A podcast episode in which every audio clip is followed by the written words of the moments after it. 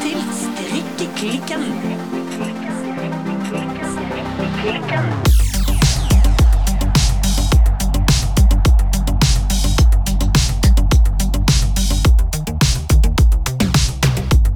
Hei, Birte. Hallo, Silje. Birte, Ja, hva strikker du i dag?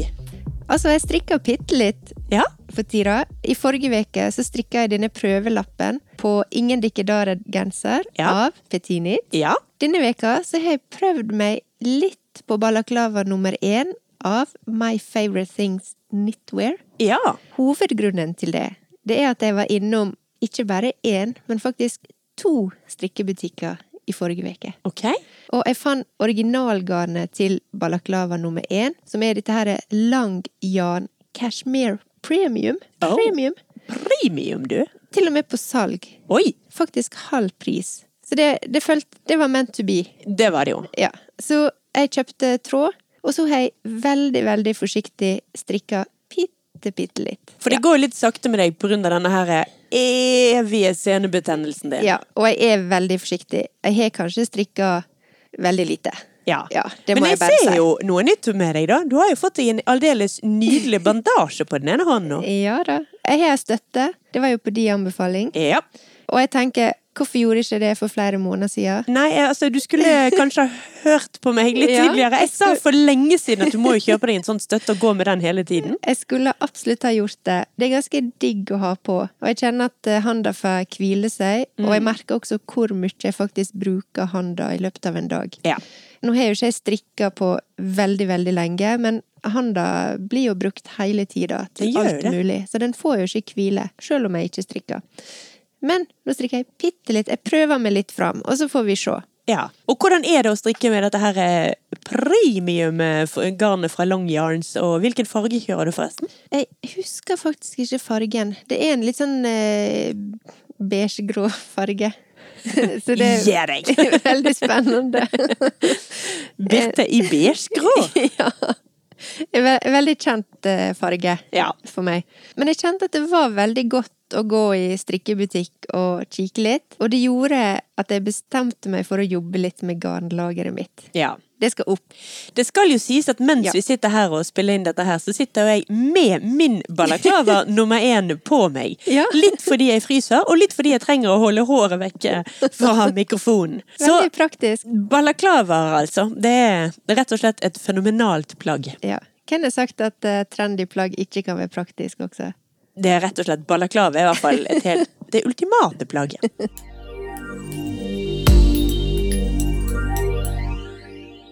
Nei, så jeg har funnet ut at eh, nå når jeg ikke kan strikke sånn som jeg vil, så kan jeg kose meg litt likevel. Og da med å kjøpe litt eh, garn som jeg kan putte i garnlageret, og så drømme om alle disse tinga som jeg har lyst til å strikke en eller annen gang. Ja. Men det som jeg også gjorde da, jeg kjøpte garn til eh, fridagsgenseren fra Aftenstrikk, som jeg har på strikkelista mi. Originalgarnet her er Vams fra Raumagarn. Ja. Og jeg kjøpte i fargen eh, natur, eller off-white, som jeg ville ha sagt på norsk. Ja. Garnet, altså det kjentes litt eh, hardt ut, eller litt sånn stikkete når jeg tok på det første gang. Men når jeg tok det mot håndleddet og halsen, så kjentes det mjukt og godt ut. Og jeg har hørt at det blir mjukere når det blir vaska. Det, Vams er vel 100% ull, ikke det? Ja, norsk ull. Og dette blir første gang jeg skal strikke med norsk ull, så jeg er veldig spent på hvordan det blir å strikke med. Mm. Planen min er jo å starte å bruke god tid på en prøvelapp, Mm. der jeg kan lære meg flettestrikken, som Ja. er på denne her fridagsgenseren. Og da får jeg både teste strikkefasthet, og forhåpentligvis lære meg da denne her flettestrikken før jeg setter i gang. Eh, Og gudene må jo vite hva tid det blir. Mm. Kanskje senebetennelsen min veit det, men jeg har ikke gitt meg beskjed ennå. Så jeg venter i spenning. Fortsatt god bedring med den dumme, dumme senebetennelsen. Takk, Silje. Det går bedre. Jeg, jeg føler jeg begynner å nærme meg noe, faktisk. Og du da, Silje? Hva strikker du på? Nei, altså, jeg mollkoser meg med denne her eh, Ingen Dikkedara-genseren min fra Petit Nytt. Ja. Som du da for to uker siden fikk lov til å bestemme, befale, Ja. at jeg skulle strikke. Ja. Nå er bolen ferdig, og den ene armen, eller ermet, er ferdig. Så nå er, mangler det bare én arm, og så eh, er jeg klar for byen. Ja. Men hvor gøy og hvor rask du er å strikke.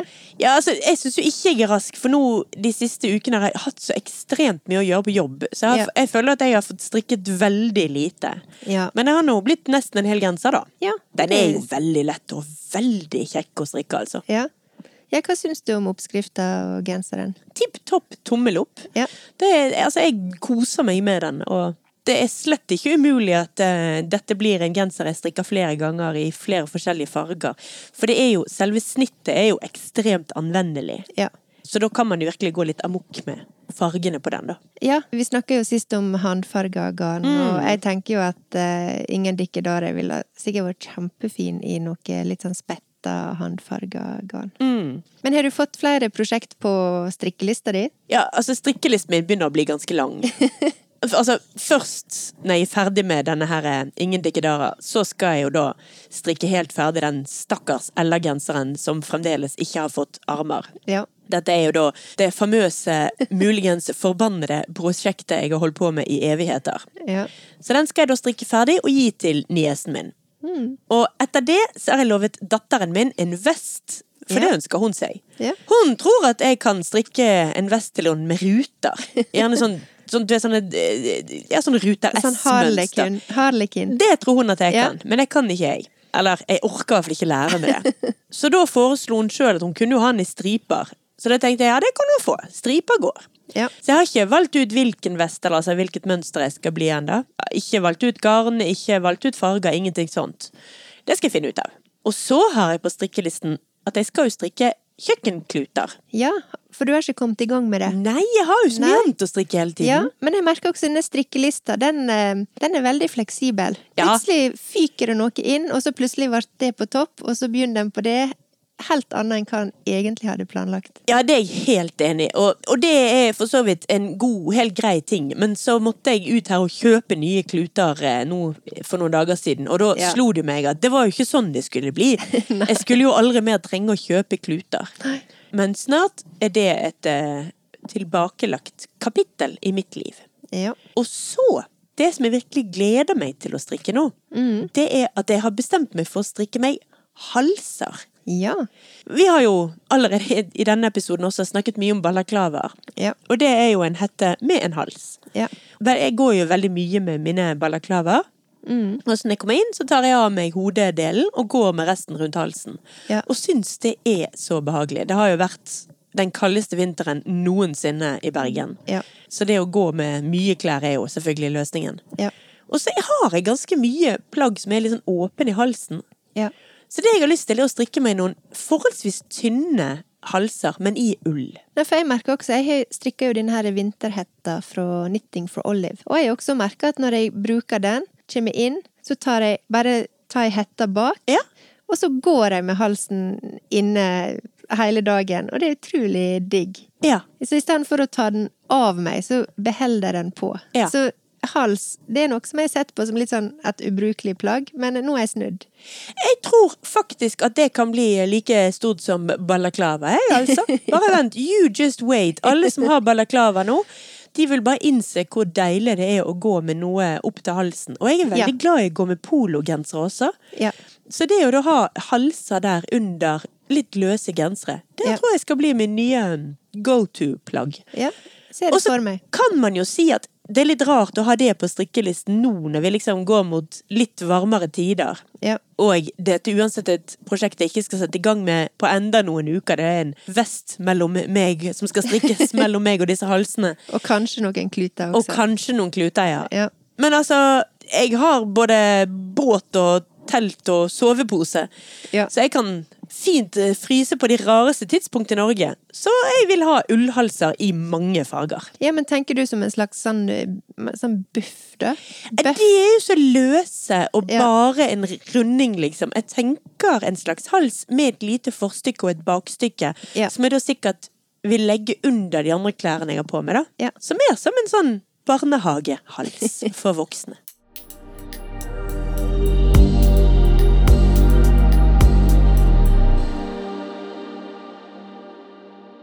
I dag så skal vi snakke om sosiale medier. Yes. Ja. Det kan jo være så mangt. Ja. Det kan være en podkast. Ding, ding, ding! Yes. Det kan være YouTube. Yep.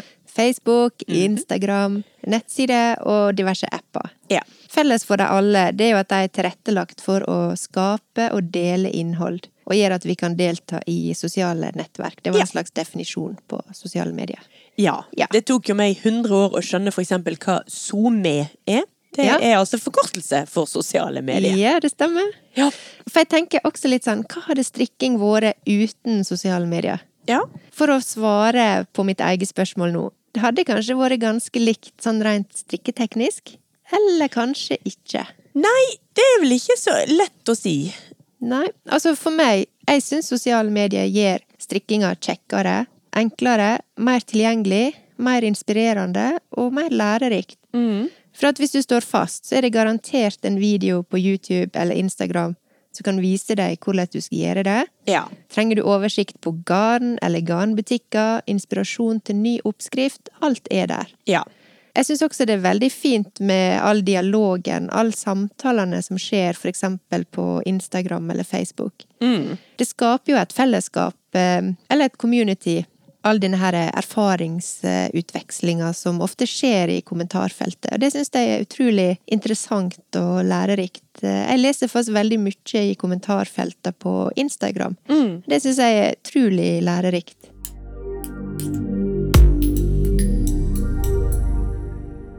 Altså, i motsetning til deg, da, så begynte jo jeg å strikke ja, før internett var funnet opp, omtrent. Ja, ja.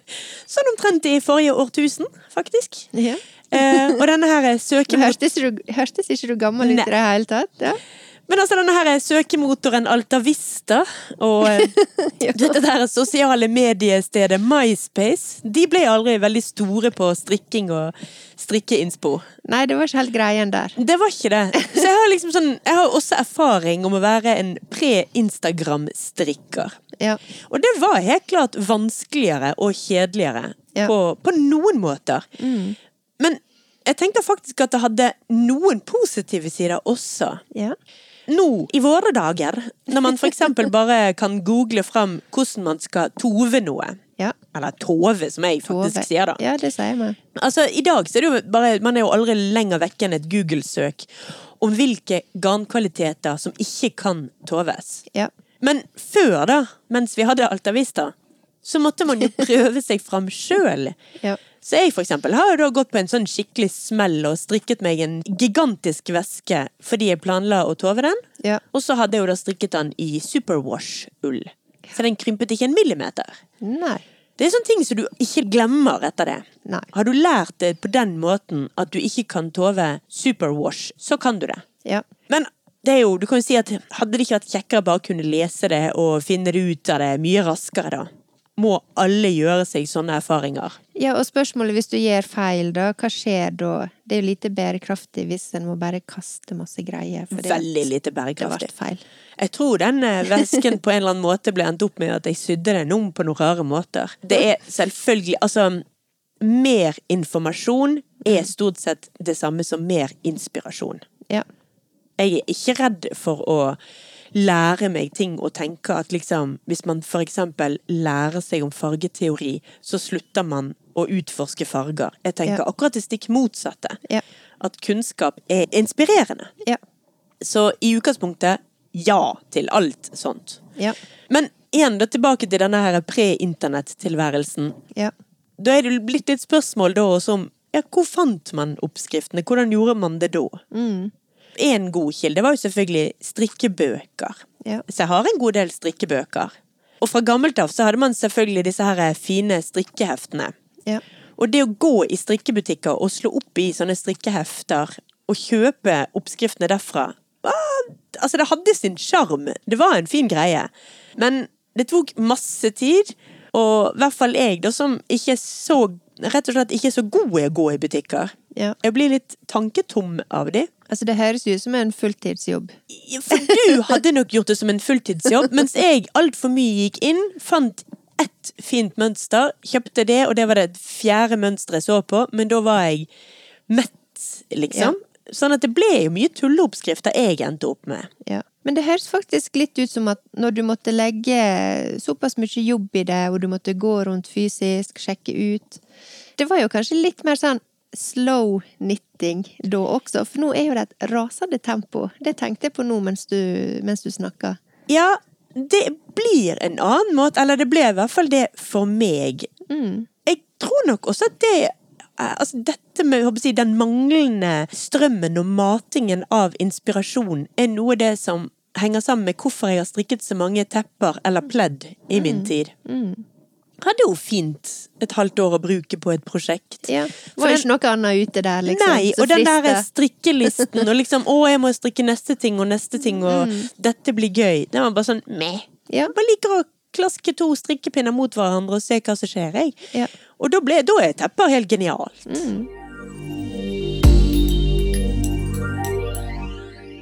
Nei, men det, det fikk meg til å tenke akkurat nå når du sa det, for at det, det er en ekstrem strøm i dag av inspirasjon og oppskrifter, og det er jo litt sånn speednitting, nesten. Du, du, en blir litt sånn obsessed, eh, rett og slett, eller besatt på alt en skal strikke, og finne tid til det. Nesten litt sånn motsatt av det en kanskje im, eller av det som kanskje imaget til strikking er, at det skal liksom være litt sånn slow living, maske for maske, sitte og putle og kose seg, liksom. Ja. Ja, det er jo det jeg syns det skal være. Ja, sitte og putle og finne den roen og eh, flyten. Ja, og så nyte det en holder på med. Ja. Og ikke rase til neste prosjekt, liksom nummer 14 på strikkelista, eller hva det nå er for noe. Nei, jeg er ikke så glad i det ordet som jeg skal si nå, men det, jeg syns jo at strikking skal være en mindful aktivitet. Jeg bare syns det ordet er litt eh, skvisa tynt utover og blitt litt, eh, det er blitt litt tåpelig. Ja. Jeg er ikke så glad i dette her med at du skal sitte i 20 minutter med en rosin i munnen. Kjenne på den fra alle vinkler. Nei. Ta den jeg- rosinen og svelg den, da! Nå fikk jeg så rar smak i munnen. Det er god stemning. Det er god stemning.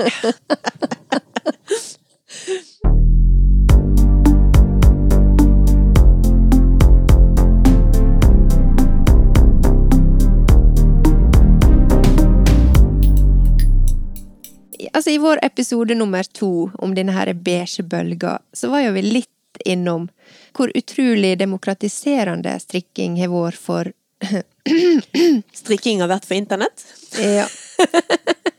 Hvor utrolig demokratiserende internett har vært for strikking og strikkeinteresser. Vi kan jo kjapt nevne denne her gledelige, men oh so uforståelige undersøkelsen fra Statistisk sentralbyrå, som viste at i 2010 var det 5% av kvinnene i Norge som strikka. Altså, vi må bare si det igjen. 5 av norske kvinner. Altså, jeg måtte lese det på 2010. nytt igjen nå til denne episoden her. I 2016 så hadde dette tallet økt til 43% på seks år. Det er helt vilt. Det er helt vilt, og det er ingenting som tyder på at denne strikkeinteressen har blitt mindre siste åra, spesielt siste året med tanke på korona. Ja. For min del så kan jeg først si at jeg har litt eh, ambivalent forhold til sosiale medier. Mm. For noen år siden så logga jeg meg faktisk av eh, Facebook. Mm. Jeg kjøpte en, eh, en sånn analog mobiltelefon, en sånn knappetelefon. Husker du den? Ja. Ja. Jeg husker når du hadde den telefonen, Birte. Jeg husker det veldig godt. Ja. Og jeg var fast bestemt på å bytte ut denne her med, med min iPhone. Ja. Men så merka jo jeg ganske fort hvor integrert smarttelefonen var blitt i mitt liv. Ja, vi hadde jo mange fellestråder bak ryggen din som var sånn her Ja, skal vi finne på sånn og sånn og sånn? Kan noen ringe Birte og gi beskjed? Ja. Jo, men altså, ikke bare i hverdagen, men i, i livet mitt, rett og slett. Og det føltes ganske sånn Ja, det ble ganske asosialt. Mm. Der og da så var det greit. Jeg hadde behov for å koble litt av også, det må jeg, det må jeg si. Mm. Men jeg merker at det var liksom ikke bare å si ja, du kan ringe meg eller sende en SMS hvis du vil ha kontakt. Og jeg er også sånn at jeg ofte liker å google ting hvis du sitter i en samtale. Mm. Jeg kan finne bilder jeg har lagra for å vise eller fortelle noe. Og jeg er helt avhengig av faktisk å ta bilder av ting som jeg ser eller liker. Det kan være overalt. Det kan være i en butikk, en klesbutikk, garnbutikk. Jeg fullt av sånne bilder av ting som jeg har sett rundt omkring. Okay. Også skjermbilder. Jeg har tusenvis av skjermbilder av ting som jeg ser rundt omkring, som jeg bare må, må lagre og, og, ha tilgjengelig. Det kan være meldinger, ting jeg skal huske. Jeg sender lenker til meg sjøl på oppskrifter. Det kan være både mat eller strikking. Artikler jeg har lest. Ja. Altså bybanebillett eller vipsing. Altså, jeg merker jo at telefonen blir brukt til så utrolig mye. Mm. Og mye mer enn å bare browse på sosiale medier. Helt klart. Så sånn sett så handler det ikke bare om sosiale medier, men det er liksom så umulig å separere fra, fra livet mitt, merker jeg. Ja, altså, jeg bruker jo sosiale medier. Jeg bruker det en del. Men jeg har aldri forstått folk som bruker det kjempemye, og som dette her er med at, at folk blir hektet på sosiale medier. Ja. Det, det skjønner ikke jeg. Det er et eller annet med disse her likesene og plingene og alt det der som tydeligvis ikke trigger noe i meg, da, fordi jeg opplever det bare som masete, og egentlig, ja. Nå har jo vi også en um, en Instagram-konto sammen. sant? Jeg har Ja. min, og du har din, og så har vi Strikkeklikken sammen. Ja. Og det er jo du som Du er helt klart sjefen på Instagram-kontoen Ja, ja. vår. Det, det er jeg. Men jeg, jeg syns jo det er utrolig kjekt når vi får respons. eh, Og der betyr jo det veldig mye, vil jeg si. Også meldingene som vi får på, på DM og sånt eh, der. For vi har jo fått utrolig mange kjekke meldinger. Ja, jeg syns jo det aller kjekkeste for min del sånn sett, er når du tar skjermbilde av de meldingene Ja. og sender de på tekstmelding til meg. For da får jeg de med meg. Og da går jeg- ja. liksom. Og da går jeg inn og ser de og blir glad. Men jeg, jeg klarer fremdeles ikke å ha det der som en sånn integrert del av ting jeg sjekker helt kontinuerlig. Ja. Så jeg gjør det av og til. Og så, eh, når det er noe viktig, så får jeg skjermbilde av deg Ja. fra det. Sant?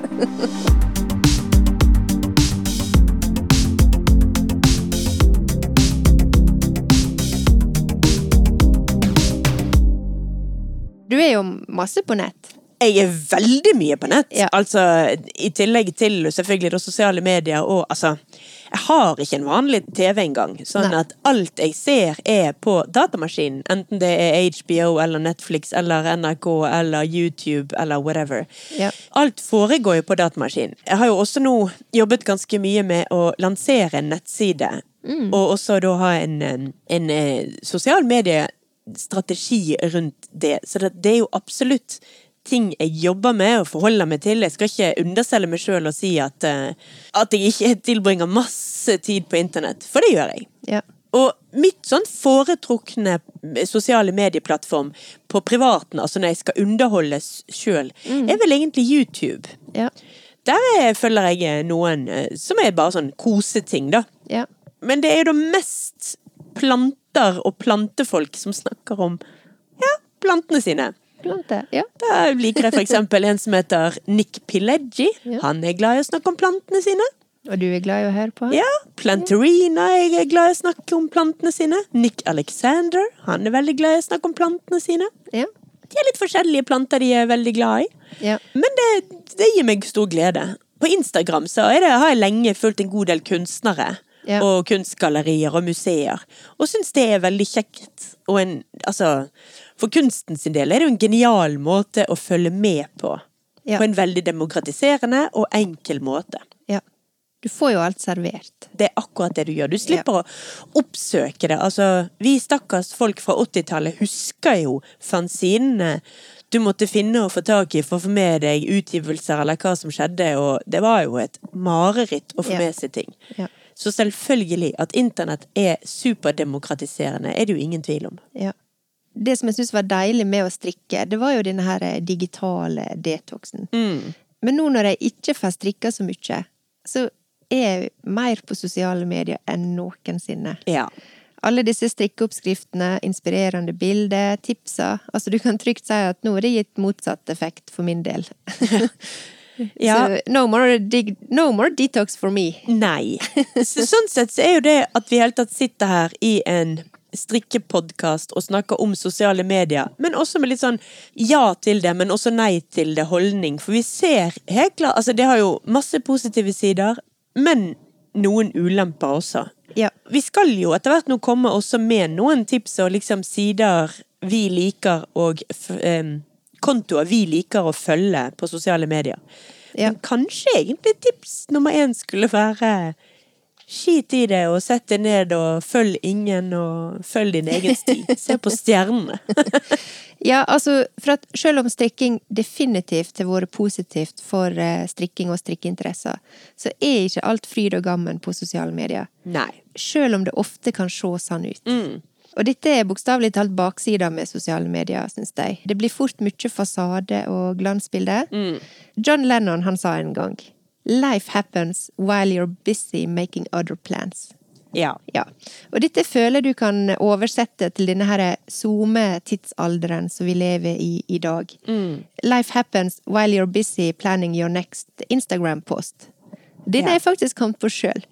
Way! Ja, true story. Og jeg har internt tulla en del med noe som jeg har kalt bakbloggen. Ja. Det her med å vise baksida, ikke bare denne her perfekte, nystrigla, nyrydda delen av livet ditt. Ja. Og dette syns jeg er litt viktig å ta med når vi snakker om sosiale medier. Ja. Selv om jeg vil si at det har blitt mindre ensidig med åra. Men du kan fort bli ko-ko av at det meste som blir vist fram, er perfekt, photoshoppa med filter etc., etc. Altså, vi må huske på at vi alle er, når alt kommer til alt, vi er vanlige, rotete, kvisete, kvapsete, rynkete, kjedelige, ensomme, kleine og dølle. Selv om det ikke alltid ser sånn ut på sosiale medier.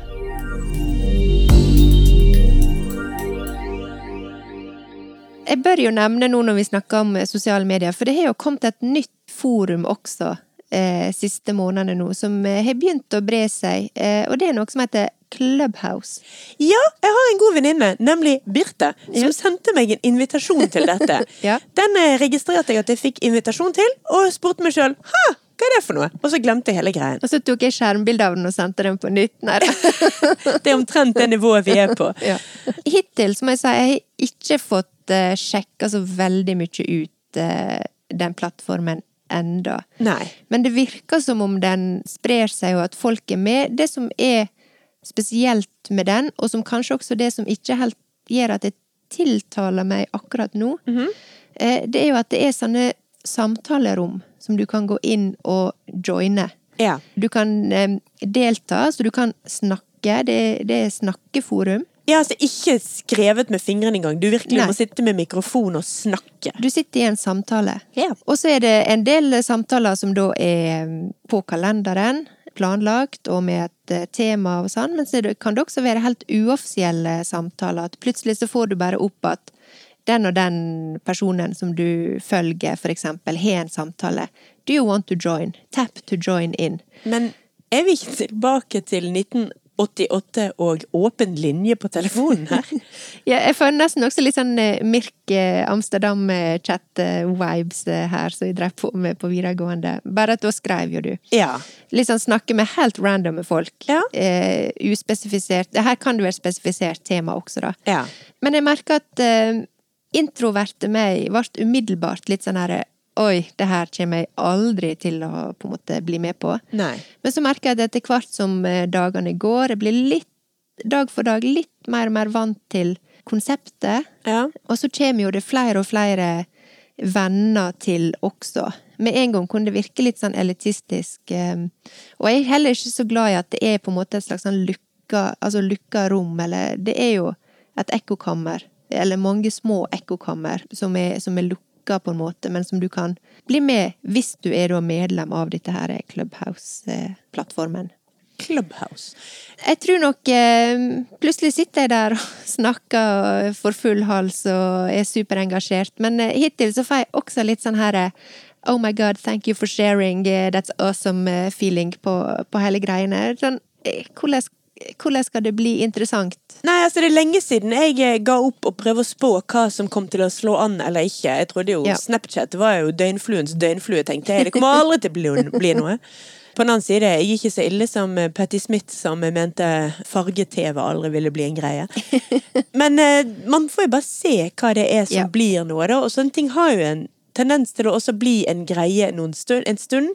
Altså For noen år siden så var jo underskog.no virkelig en greie i Kultur-Norge. Det var Ganske man- mange år siden nå. Ja. Nå begynner det å bli lenge siden, ja. Ja. Men det var jo virkelig en Det fins fortsatt. Det er fast faktisk i live. Jeg vet at det fins, men jeg vet ikke om noen som er der. Jeg vet ikke om noen som bruker det. Nei, men det, det, det er going, om ikke strong, så det er i hvert fall going. Ja. Faktisk. Det, ja, Nei, men vi får se om dette her er Hva du kalte det? Klubb? Clubhouse. Det er ingen tvil om at eh, det er nok et barn av korona. Hvis du sitter i isolasjon, kanskje du ikke bor sammen med noen. Det er jo noe som eh, erstatter disse her fysiske møteplassene. Panelsamtalene, møter der folk kan ha innlegg og, og snakke om ting. Jeg ser jo for meg at det erstatter disse her fysiske møter på, på noen nivå. Så blir det spennende å se om det får satt seg på en måte godt nok til at eh, det vil overleve også denne her koronaperioden.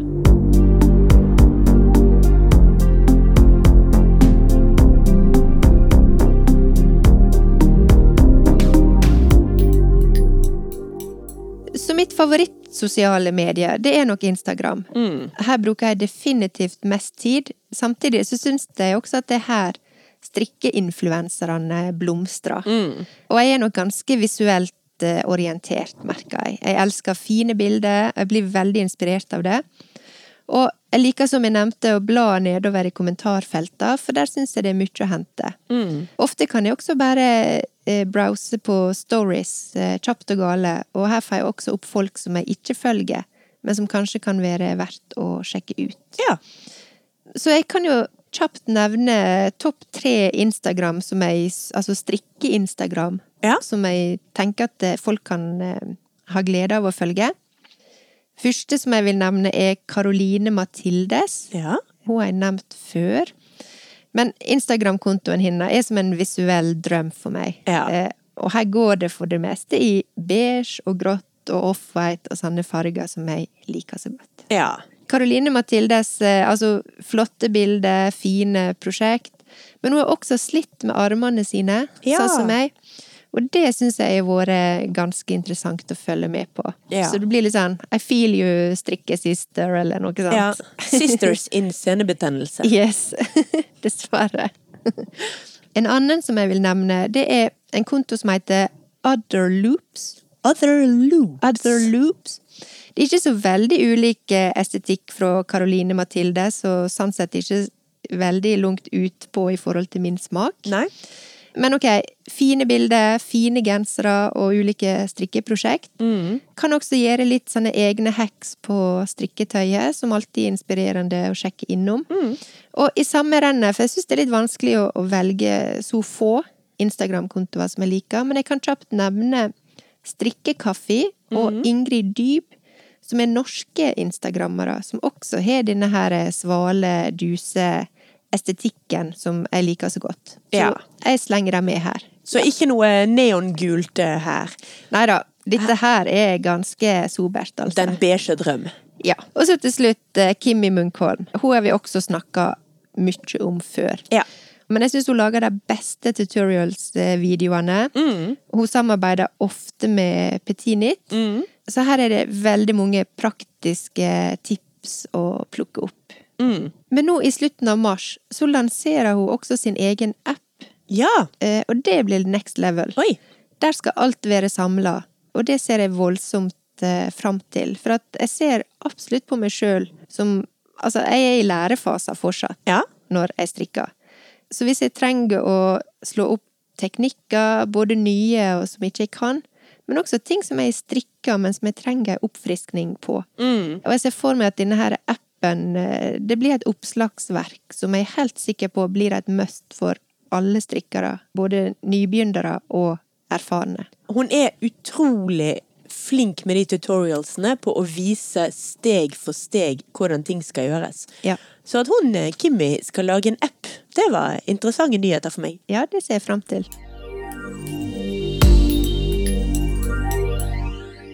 Men du da, Silje. Nå, nå vet jo vi at du er jo ikke en sucker for eh, sosiale medier. Men eh, jeg har nå tvinga deg til å finne noen eh, favoritter likevel. Ja da, og Ja. altså, for alt i verden. Jeg er mye på sosiale medier, altså. Ja, bra. Jeg har også laget meg en topp tre på Instagram-liste. Ja, det var dagens heimlekse. Ja, det var det. Først på listen, der må vi nevne en som vi har nevnt mange ganger før. It bears repeating, rett og slett. Ja. Det er da gode, gamle Lerke Bagger. Ja. Altså, hennes Instagram-side er så jækla vittig. Ja. Og jeg vil jo si til altså de som bare skal ta en kjapp titt innom, og så liksom, ja, hvor begynner man, hva er det som er morsomt da? Oppe, øverst på siden hennes, så har du disse her eh, highlights fra stories. Ja. Hvis du følger den ene der, som heter Bad Idea Dress, Ja. så er du inn for en eh, god og artig, jeg vet ikke, syv minutter av livet ditt. Fem kanskje. Det som skjer her da, er at hun tre uker før hun skal på L Costume Awards i Danmark, så bestemmer hun seg sjøl, da. Hun gir seg sjøl oppgaven at hun skal strikke seg en kjole. Ja. Bare av sånn eh, scrap yarn, altså restegarn. Ja. Og så følger da denne Bad Idea Dress-storyen. Den følger hun da i tre uker mens hun strikker denne kjolen. Ja. Og bare gå fullstendig på veggen og bli galere og galere og mer drita lei av det prosjektet. Til det ender med en kjole. Jeg skal ikke røpe for mye, det blir for mye spoiler alert. Men det er Å følge den storyen var kjempemorsomt. Og er en god introduksjon av Lerke Bagga både som en stor humorist Ja. og en fantastisk strikkedesigner. Ja, jeg syns faktisk eh, kontoen til Lerke Bagel den er superinspirerende Ja. på alle mulige strikkenivå. Men det er også det er den morsomste Instagram-kontoen jeg vet om, uavhengig av sjanger. Ja. Og nå driver hun og skriver ei bok, og her en dag så var det et bilde der hun satt og geipa var litt misfornøyd. Og bare sånn Nobody told me that you actually have to write a knitting book, liksom. Så det var bare sånn Ok. Hun har det med å legge ut på litt sånn heseblesende prosjekt også. Helt klart. Det er veldig altså det, Nå skal det plutselig jobbes! Ja. Skrives. Kanskje jeg strikker denne boka, liksom. Ja, nei, det er helt klart hennes humor. Det passer perfekt for meg. Ja, jeg er enig.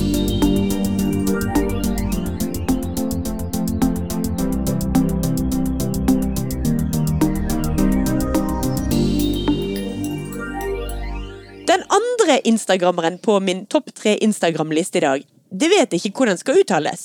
Nei. Så jeg sier Mulyana. M-u-l-y-a-n-a. Mulyana. Det er en indonesisk kunstner som er kjent for sine fargerike og heklede, da. Ikke strikkete, altså, men heklete korallverdener. Oi. Vi snakker altså nå om en strikkekunstner. Ikke klær, men ting. Ja. Eller heklekunstner, da. Ja. Hvis du skal være grådig opptatt av å få det riktig. Ja. Men disse her heklete korallverdenene, da, de er fylt med morsomme karakterer som er inspirert av TV-programmer som Muljana så i ungdommen og barndommen. Alle disse her vesenene, eller delene til dette kunstverket, det liksom vokser sammen til en eneste stor enhet som blir en del av et eget univers Ja. en slags fantasiverden av vesener som har sånn mye sånn undervannsestetikk i seg. Man kan se for seg litt sånn eldre østeuropeiske animasjoner for barn, men da altså med mye skarpere farger. Ja. Og, og i garn. Og, og egentlig helt annerledes når jeg tenker meg om. Ja, så du viste jo meg noe her i stad, og det ser jo bare helt sinnssykt ut. Ja, det er Altså, dette er ikke noe jeg syns man kan beskrive. Her syns jeg virkelig at folk skal gå inn Ja. og søke på Muljana på Instagram og se på disse fantastiske kreasjonene. Ja. Eller sjekke vår konto, der vi vil legge ut lenke. Det skal ja. vi selvfølgelig gjøre også. Ja.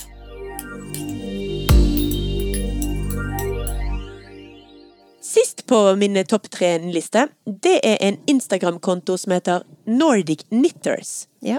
Det er en Instagram-konto som hver uke, eller noen ganger hver dag, blir tatt over av ulike nordiske strikkere, eller strikkedesignere, eller strikkenettsider. Så det er en veldig grei side å følge, for da kommer man liksom raskt inn i strikke-Instagram-verden. Ja. For det kan jo være litt vanskelig når du skal begynne, liksom. Ok, nå har jeg fått denne nye brennende interessen i livet mitt, nemlig strikking. Ja vel, Men Instagram-feeden min er jo full av I don't know, hva som har vært den forrige store interessen din. Glassblåsing, antikke bøker. eh, Yoga. lampeskjermer. I don't know.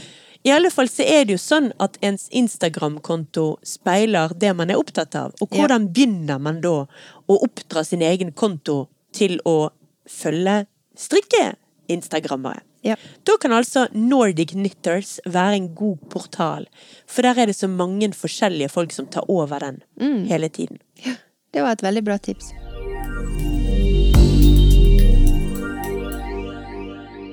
Men nå skal vi over på eh, tipsespalta vår. Ja visst, nå Ja. har vi kommet til det stoppet på denne bussruten vår. Ingen episode uten. Å nei. I hvert fall ikke hittil.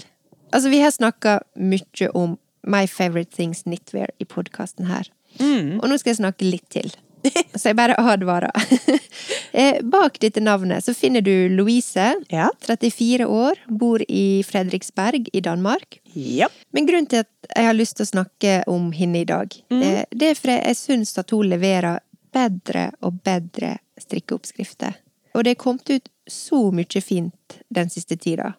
Alle de nye oppskriftene hennes de har bare gått rett inn på strikkelista mi. Det Ja. stopper liksom ikke.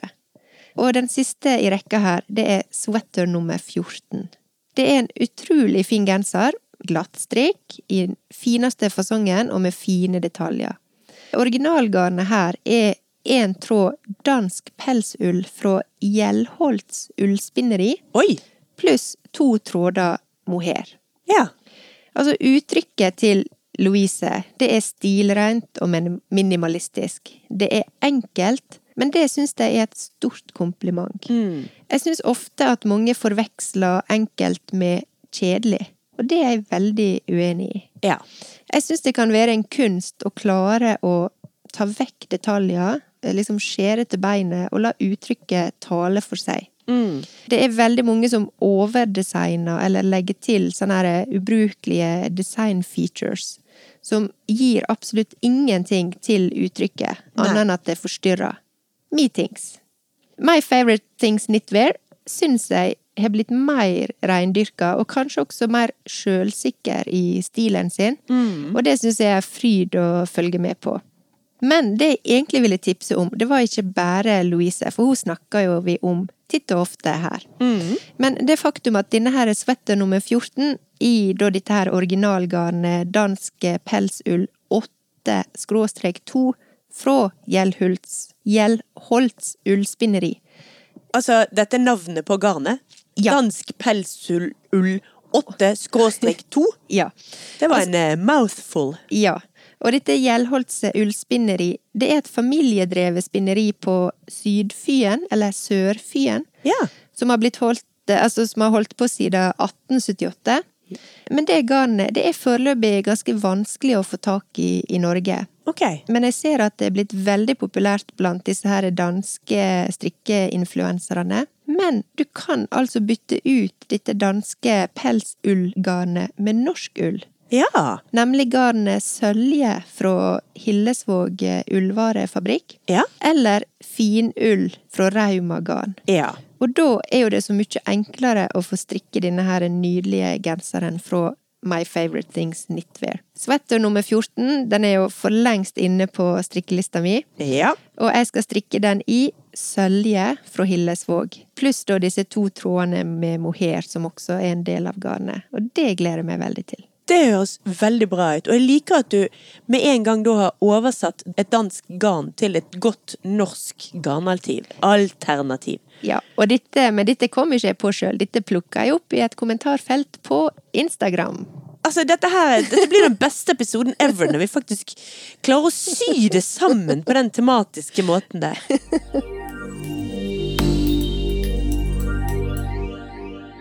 Men Silje, hva vil du tipse om i dag? I dag vil jeg faktisk tipse om en strikkekunstner. Ja, Ikke den samme som jeg nevnte i sted, men en annen, nemlig Faith Humphrey Hill. ja. Ikke Faith Hill. Nei, for jeg skulle til å si, du var noe kjent med det navnet. Ja, det er vel en country eller noe sånn sanger? Høres sann ut. Men iallfall Faith Humphrey Hill. Ja.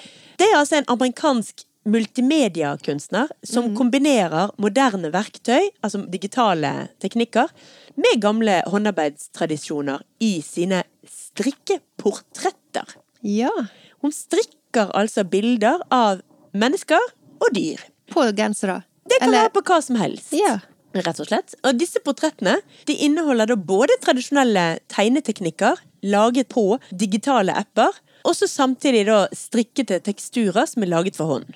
Hun har en bakgrunn med at hun lenge, jeg tror det var over 20 år, jobbet på en eller annen måte i, med kunstgallerier og med forskjellige samfunnsorganisasjoner, før hun da endelig, litt sånn, litt voksen alder, bestemte seg for å bli full on kunstner og jobbe ordentlig fulltid på atelieret. Ja. Det var i 2016 hun tok det lipet der. Hun har da en eh, nettside som heter Dartily. Det er en sånn pønn, altså en sånn sammenslåing av ordet art og daily. Så Ja. Dartley. Dartley. Altså Siden hun da begynte å jobbe fulltid som billedkunstner, så har hun da utviklet sitt eget signaturkunstuttrykk, som er da strikkete portretter. Og noen av disse portrettene er veldig fine. Der kan man altså gå inn og se enten på dartley.com eller på hennes Instagram-konto. Ja. Mens noen av portrettene er litt mm, litt tacky, Ja. må jeg nesten bruke ordet. Det er litt cheesy. Ikke helt din kopp med te. Nei, altså noen av disse menneskeportrettene syns jeg er veldig fine. Og så av og til så blir hun litt glorete i fargene, men det kan jeg svelle. Men så kommer vi til hunde- og katteportrettene, og da slutter jeg å svelle. Men det er sikkert det mest populære. Det kan godt være. Det er bare ikke, jeg føler at jeg ikke helt er målgruppen for et eh, godt hunde- eller katteportrett. Har det vært høne, derimot? Hadde hun Har Hadde hun lært meg å strikke en høneportrett? Da hadde jeg vært totally into it. Hvis jeg kunne fått eh, strikket hønene mine, ja. Ja. Men altså, jeg anbefaler folk å gå inn og sjekke Instagram og nettsiden hennes på de menneskeportrettene der. For der er det mye fint å finne. Ja.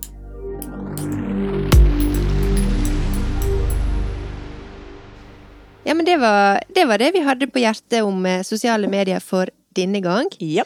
Vi er jo aktive der sjøl, og alt som vi snakker om, legger jo vi ut eh, enten på Facebook eller eh, Instagram-kontoen vår. Strikkeklikken heter vi begge plasser. Og vi blir selvfølgelig kjempeglade for eh, hvis folk har lyst å kommentere, dele sine erfaringer og strikkeprosjekt eh, med oss, komme med sine favoritter. Og i dag tenker jeg at eh, kom gjerne med, med dine f.eks. Instagram-favoritter, sånn at vi alle kan dele og utforske videre alt det flotte som skjer der. Og så syns jeg også det er på sin plass å komme med oppfordringen å like og dele strikkeklikken. Ja. Sånn at vi også kan få flere følgere og, jeg vet ikke, ta over verdensherredømmet på et eller annet tidspunkt. No shame, jeg er helt enig i det. Så da er det altså strikkeklikken.no, strikkeklikken på Facebook og strikkeklikken på Instagram.